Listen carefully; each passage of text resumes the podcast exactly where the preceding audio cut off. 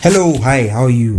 Back with another podcast. Um, welcome to today's episode of um Everyday Conversations with Oscar. Sorry, guys, yesterday I couldn't deliver um an episode. I was busy. I couldn't deliver, but I think I'll release it today in the evening. I'm not so sure. But yeah, today we're just going to be talking about um your spiritual journey. So basically, I just want you to picture this: you're planning to go on a journey, right? Um, probably from Harare to Beitbridge, and Beitbridge, Kune Gold, right? You have like 5,000 bricks of gold, right? And you want to give there, right? And um, along the way, there are so many roadblocks, like I don't know, countless, right? And those roadblocks will be convincing you, they'll be getting harder and harder. I just want you to imagine this those roadblocks will be getting harder and harder, and they will con- uh, convince you, Gudiji, kuti ha ndara kwabva kwangu iri safe because kwatiri zviri kuitika izvi hazvisi kuita right? But you need drive you need the fuel to get to Beitbridge to the gold right? So basically what i'm just trying to say is the road is your spiritual journey. The roadblocks are the things of this world the devil basically and, and all his shenanigans and people right? And the gold is god heaven jesus christ everything everything that is of heaven right so the fuel you need to get there to Beitbridge is Jesus Christ. That's your power source. Simba. He said it in John 15, I think. He's a, he's a true vine. Like we are the branches of him, even though God is a vine dresser.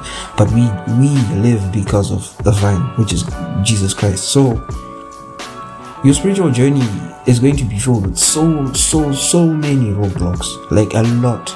And sometimes you feel like you want to just go back and you know do whatever you were doing and say, ah, I give up. But just remember where you're going, there's something way greater than those roadblocks, right? And don't forget, the reason why you're driving that same car is because of the energy you have, the power source you have, which is the fuel, which is Jesus Christ. So as long as you have that fuel, right, you're going to get there. But also, I want you to acknowledge something wakuenda wapakati penzira iyoyo fuel ichada kupera and you need to refuel yourself. Just as the same with our spiritual life. You cannot just go and go and go without feeding your spirit right? You cannot. You need jesus christ. So basically you need the word of god. You need prayer. You need fasting. You need all those things. These roadblocks yes anogona kuti ungodzokera two minutes but you know i just want you to focus on on god right. Focus on getting the goal not the roadblocks because the moment you have that strength right that fuel and that drive yekuti ndikuenda kungoda nhasi ndikunowana ngoda nhasi right. Hapana chinokumisa so i think that's what we are supposed to have in our lives. We're supposed to have that energy that driving force you know. So let's not do our own thing in our spiritual journey. Let us let us always remember that the energy we need, the fuel that we need to get to the goal is Jesus Christ.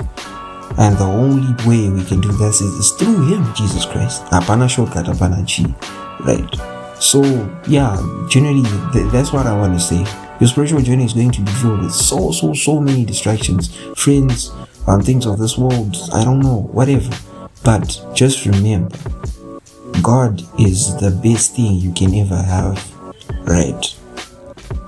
That's the gold you're going for. Jesus Christ, God. You're, you're, you're going for the gold, right? But also, what I want you to do is also, more time more, I see one seater guy. ikana 4 seater kana 6 seater kana 12 seater kana bhazi 76 seater chairo chairo right takurana nevamwe wako right unganai kozi panowanda vanhu pane simba waiziva saka usada ungozviita yako wega right? Takurana nevanhu shedzera utsvage vanhu. E beitbridge handei kuna mwari right?